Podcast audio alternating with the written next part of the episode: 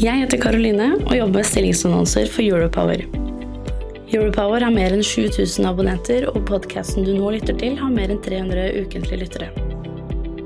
Hvis du er på jakt etter ny jobb, se stilling.europower.no. Ta også gjerne kontakt med meg dersom du ønsker å annonsere ledige IT-stillinger i fornybar energibransje. Du lytter til lyden fra en videosending med journalist Magnus Linjære i Europower. Hele sendingen kan du se på europower.no. Hei og velkommen tilbake til eh, Europowers strømmarkedet på tre minutter. Denne uken her, den har eh, i aller høyeste grad vært eh, preget av gasslekkasje i Østersjøen.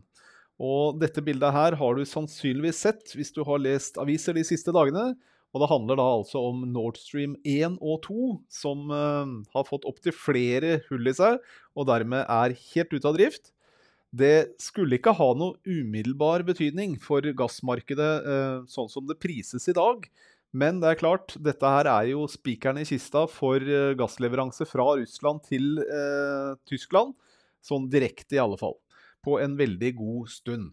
Så markedet reagerte. altså Hvis vi ser på prisene fra mandag og frem til i går, da, på det høyeste, så var det faktisk opp 25% i eh, gassprisen. Men eh, i dag så er prisene på vei nedover igjen.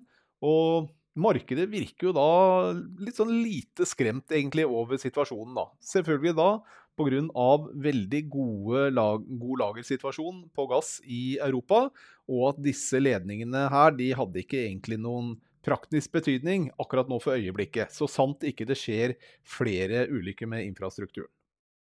Prisene da i Europa, der er eh, trenden er nedover, selv om det var et uh, lite hopp i de sørnorske prisene her uh, for to uker siden. Men Nedover går det iallfall, og det er pga. at eh, gassprisen den er jo også lavere enn det den har vært tidligere. Og så har vi også et eh, bra fall i, det, i klimakvoteprisen, altså CO2-prisen, som også er på vei ned. Som gjør at det er billigere å produsere både gasskraft og kullkraft. I fremtidsprisene derimot, der er det litt mer uoversiktlig. Frankrike, der er prisene ja, mer eller mindre rett fram, litt opp.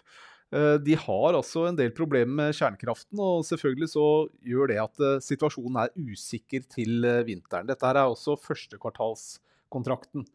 Det vi ser er jo altså Den tyske prisen den er i nedadgående trend, uten at det påvirker verken Frankrike eller Sør-Norge, sånn, i alle fall sånn det ser ut. Kanskje problemet kan ligge i eh, lav likviditet både for sørnorske prisen, altså på eh, strømbørsen, men også i den franske strømbørsen. For der er altså lave volumer som omsettes, og i Norge så er det knapt omsetning av de lokale prisene på, i Sør-Norge. Trondheim er flatt, eh, selv om der ser vi at prisen nå for september var altså den høyeste snittprisen i, for september, eh, eller månedsprisen faktisk, siden eh, februar 2010. Nå er eh, Midt-Norge oppå nivå for strømstøtte, mens Nord-Norge der er det fremdeles lave priser. Fyllingsgradene, der er det lite som skjer. Det er en liten nedgang faktisk totalt sett for Norge sin del sist uke. Eneste er Oslo-området, Østlandet, som da er litt opp. Der er også de aller minste magasinene vi kan finne også, men eh, elvekraften der er faktisk nå oppe på 90% av installert kapasitet, så der går det ganske bra etter de siste dagenes eh, nedbørsperiode. Så oppfordrer jeg som vanlig at du følger med på Europower, og nå kan du også laste ned appen vår både for iPhone og Android. Da kan du få varsler så fort eh, nyhetene kommer ut, og du kan være enda tettere på strømmarkedet.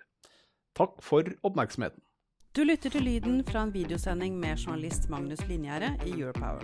Hele sendingen kan du se på europower.no. Jeg heter Karoline og jobber med stillingsannonser for Europower. Europower har mer enn 7000 abonnenter, og podkasten du nå lytter til, har mer enn 300 ukentlige lyttere. Hvis du er på jakt etter ny jobb, se stilling.europower.no. Ta også gjerne kontakt med meg dersom du ønsker å annonsere ledige IT-stillinger i fornybar energibransje.